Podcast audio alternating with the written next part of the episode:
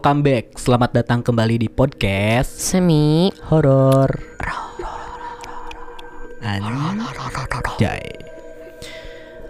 Episode ke-45 Ya 45 di mana episode 45 ini hanya akan terjadi sekali ya.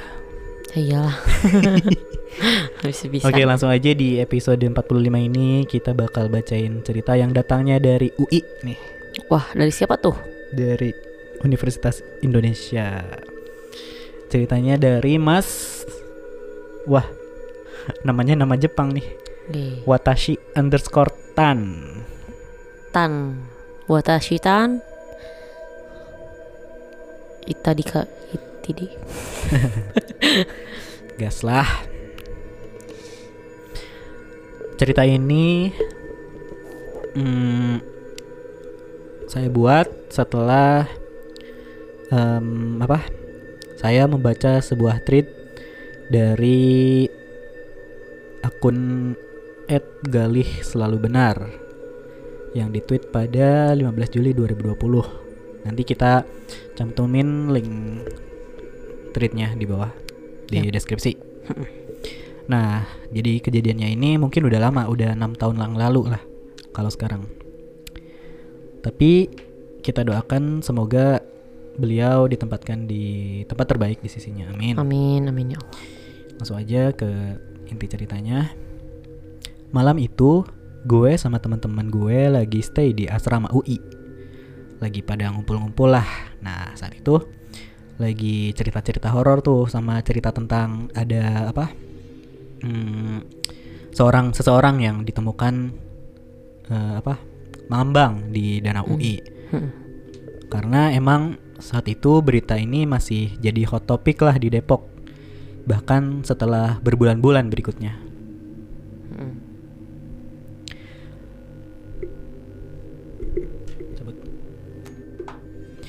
Lewat tengah malam jam 12 Lewat tengah malam jam 12 Semua udah balik ke kamar masing-masing Gue yang udah ngantuk Akhirnya juga tidur Sepertiga malam Gue mulai gelisah Akhirnya gue bangun karena kepanasan Masih di posisi tidur terlentang Tapi gue inget sebelah ranjang gue ada sosok laki-laki. Sosok laki-laki ini berlutut di samping tempat ranjang gue. Pas banget. Wajahnya menghadap eh, wajah samping gue. Hmm. Mungkin saat itu gue nggak noleh gitu. Tapi gue masih bisa ngeliat laki-laki dengan outer kemeja atau jaket gelap dengan kaos di pundaknya ada ransel. Yang gue notice pertama kali saat melihat. Yang gue notice tuh dia ada tas punggungnya Hmm. karena gue pikir dia mahasiswa biasa. Rambutnya sama seperti di foto. Ntar ada fotonya buat yang Eh, kalian lihat di tweetnya aja deh. Gue nggak enak masukin ke YouTube fotonya. Tapi gue nggak ingat wajah atau ekspresinya. Hanya beberapa detik sebelum akhirnya gue memejamkan mata. Gue tahu dia bukan manusia karena ini bukan pertama kalinya lagi gue ngelihat sosok seperti ini. Mungkin jin yang menyerupai. Hmm. Tapi tetap aja gue takut banget. Gue mejem sambil berdoa karena gue nggak bisa bangun atau teriak karena terlalu takut. Jaraknya nggak lebih dari 10 cm dari wajah gue. Hmm. Tapi nggak lebih dari itu, dia cuma di samping gue melihat gue tidur. Gak ada kontak fisik atau nyata. Gue cuma bisa berdoa, dan setelah beberapa saat, gue ngumpulin keberanian buat bangun.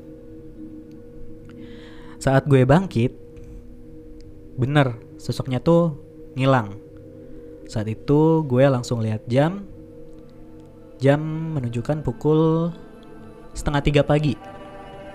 Gue lihat teman gue baru selesai sholat malam. Dia buru-buru merapikan alas sholatnya dan langsung tidur. Gue takut, tapi gue gak mau cerita. Akhirnya gue cuma diem sampai pagi. Gue nggak cerita sama siapa-siapa kejadian malam itu. Sampai akhirnya roommate gue yang cerita duluan.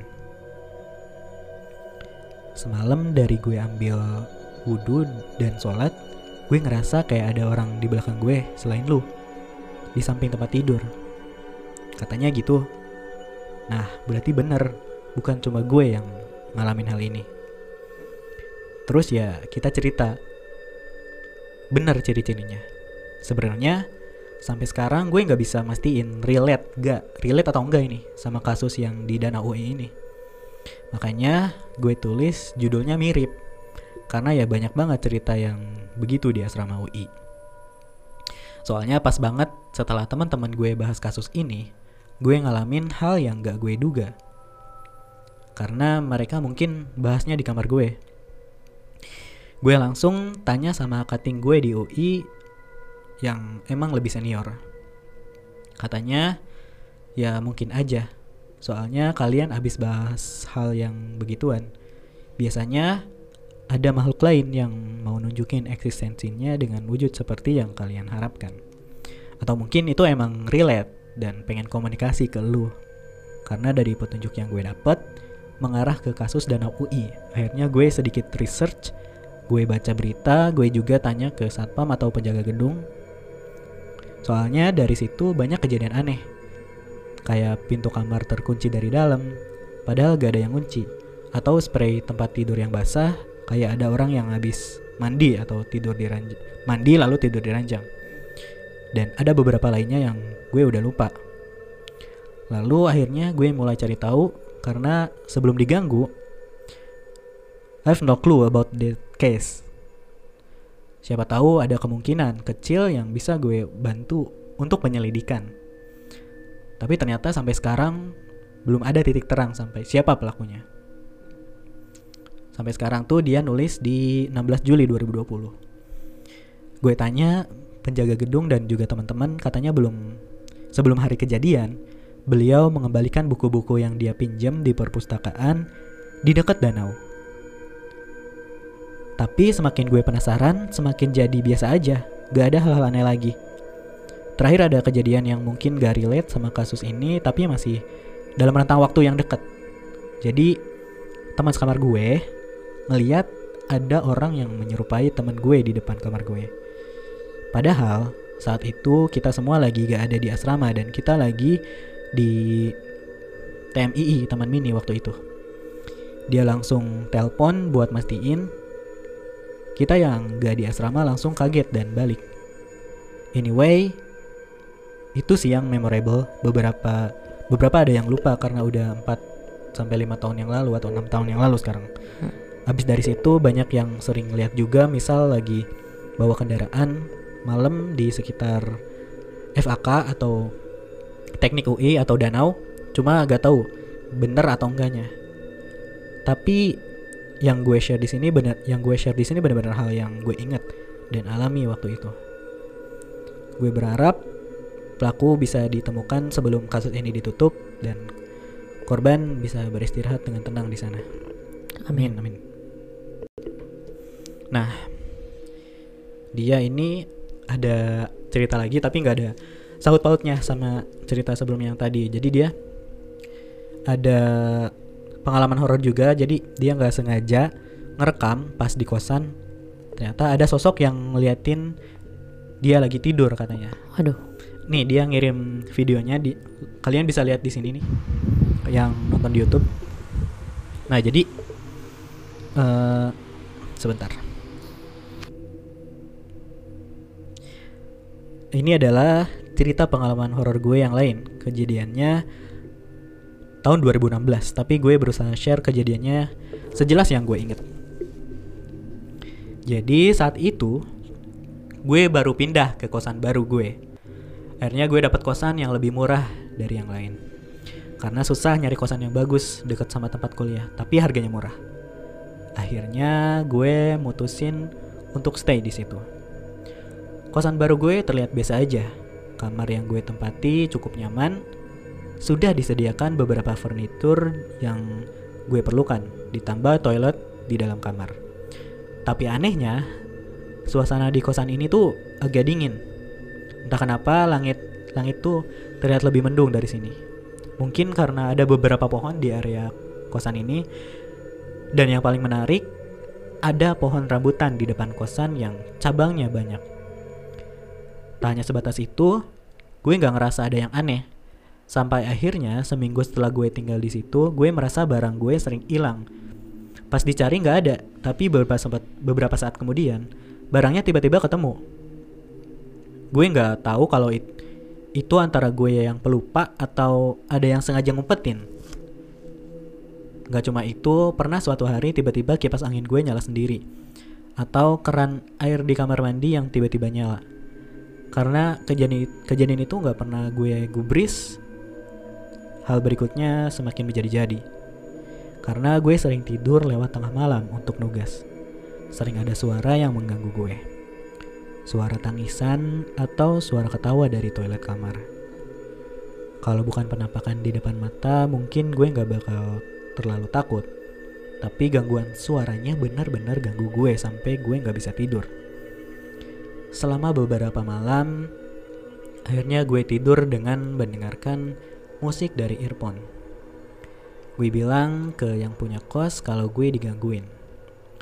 Tapi ya beliau nggak percaya. Dan gue urung bilang ke penghuni yang lain karena gue gak kenal juga sama mereka. Akhirnya gue jadi malas bahkan untuk pulang ke kos sendiri. Gue lebih milih nginep di tempat teman atau pulang cuma untuk tidur. Nah, tapi ada malam di mana gue mimpiin sosok perempuan rambutnya panjang menyentuh wajah gue yang lagi tidur. Gue nggak tahu maksud mimpi itu apaan. Nah, gue bangun nih dari mimpi. Pas gue bangun, itu kipas angin gue dalam keadaan nyala. Padahal gue ingat gue nggak nyalain kipas angin sebelum tidur. Besok malamnya setelah kejadian itu, barulah kejadian penampakan yang ada di video yang gue share tadi di atas. Nah, seperti ini jelasnya. Kalian bisa lihat yang nonton di YouTube. Karena lampu gua kamar gue mati dan ini gue iseng nih pakai efek kamera film. Ya karena balik lagi kamera kamar lampu kamar gue tuh mati. Dimatiin lah. Jadi itu pas gue lagi tidur sekitar jam 11 malam tiba-tiba bangun sekitar jam 2 gue ngerasa kayak ada yang merhatiin gue tidur kamu pasti kalau diperhatiin orang entah itu dari jauh atau dekat pasti eh, akan sadar kan? Kecuali kamu nggak peka. Nah itu terja- terjadi bahkan saat gue lagi tidur.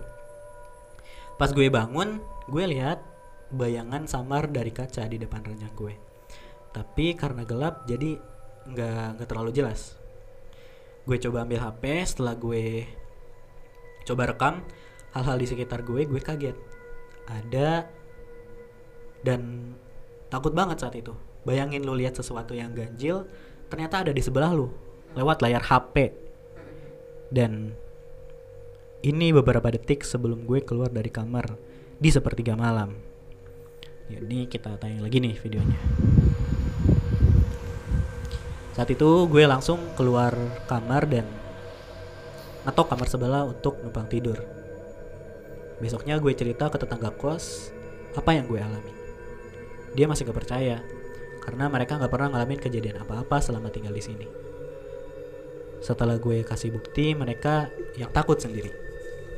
Nah, tetangga kos gue ini cerita kalau kamar yang gue tempatin ini sebelumnya ditempatin sama mas-mas yang baru meninggal kecelakaan. Belum 40 hari dari gue pindah ke kamar ini. Padahal gue taunya dari ibu kos kalau kamar ini sebelumnya pindah kuliah katanya ke stan. Ya mungkin alasan aja lah. Alasan, terima kasih. Biar kamas ya mungkin alasan kamar kosnya itu murah ya. Mm-mm. Mau untung malah apes. Setelah kejadian itu, sebelum gue pindah dari kos itu, gue tanya ke kating gue yang lebih senior. Jadi ternyata kos itu emang ada yang emang ada yang sering main ke kamar yang gue tempatin dan itu jalur main dia. Katanya jalur mainnya dari kebun deket kosan pohon rambutan sampai toilet kamar gue. Hmm. Katanya mereka kalau main ya di situ-situ aja sesuai jalurnya. Dan keberadaan gue katanya ganggu. Sekian pengalaman yang bisa gue share. Terima kasih udah bacain cerita gue. Sukses terus podcast Semi Horror. Amin. Lagi-lagi kos murah Hmm. yang berhantu. Pas Season 1 Season satu. kita udah be- beberapa kali tuh baca cerita tentang kosan Mm-mm. sampai kita ingetin bilang juga eh, kita tuh patut curiga gitu sama harga kos yang murah. jangan tergiur dengan harga kos yang murah. Harus research, cek, recheck gitu. Apalagi kalau kalian eh, indigo gitu ya, mungkin bisa ngerasain Hmm. gimana keadaan sekitar. Tahu. Kecuali kalau kalian emang mau nerima resiko bakal digangguin gitu. Ya mungkin kalian bisa tuh kalau punya teman yang indigo ajakin Ajak dulu. dulu. buat survei gitu. Benar-benar. Ini cerita datang dari Universitas Indonesia nih. Mm-mm. Jadi pada enam tahun yang lalu tuh ada Sebuah tragedi. mm, sebuah kasus yang di mana ditemukan seorang yang mengambang di danau Kenanga Hmm. di UI. Dia itu sebenarnya yang jadi tanda tanya besar itu dia ini dibunuh atau bunuh diri gitu. Ini sesuai di tweet yang sebelumnya dia baca. Ya. Kalian baca aja nih. Kita cantumin di deskripsi. Warga UI yang 5 atau enam tahun lalu mungkin Hmm. bener apa enggak kabarnya kayak gini boleh langsung komentar di bawah Heeh, Dan perkembangan kasusnya tuh udah kayak gimana mana gitu. Mm. apa ada Apakah- kelanjutan apa Iya. berhenti sampai di situ aja bisa langsung cerita juga ke kita UI angkatan 2015 mungkin bisa. Soalnya kejadiannya 6 tahun yang lalu ya. Hmm. 2014, 2013 juga ngalamin. Pasti heboh banget tuh sedepok malah Mm. Nih foto-fotonya ada banget nih di sini. Yang pas dia ngambangnya juga ada. Kalian cek aja di tweetnya langsung.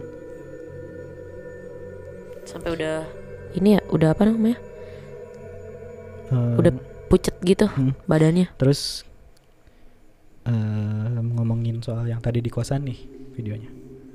Ini sosoknya. Hmm.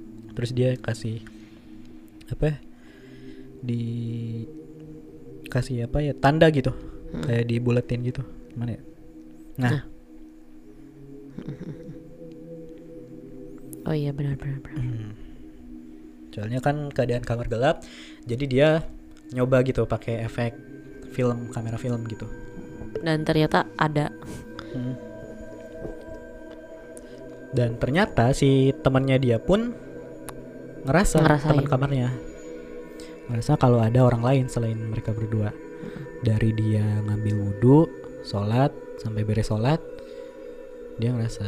Tapi dia mereka berdua ini nggak saling cerita langsung. Hmm. Besokannya ya tadi langsung cerita. oh iya iya iya Lagi-lagi nih. Setelah dari asrama tadi ya, Mm-mm. terus pindah kosan. kosan ngekos. Nah, survei lah, eh survei dapatlah kosan yang murah, deket juga. Ternyata kosannya ini bekas ditempatin orang yang meninggal kecelakaan belum 40 hari. Tapi si yang punya kos cerit bilangnya kalau itu si yang ngekos di situ pindah ke Mm-mm. pindah kampus. iya ternyata meninggal Alibi alasan. Terima kasih. biar laku aja kali Hmm, biar ada yang nempatin marketing. Teknik S3 marketing. Oxford.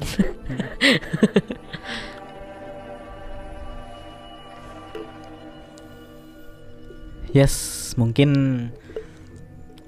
episode 45 cukup singkat ya. Mm-mm. ternyata dan ternyata.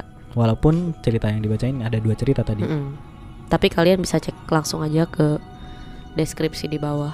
Mm-mm. Untuk baca tweetnya yang awal ya Ya. tweet pertamanya Gak bosan-bosan em, kita ngucapin stay safe Stay healthy, stay healthy Dan stay with podcast semi horror tentunya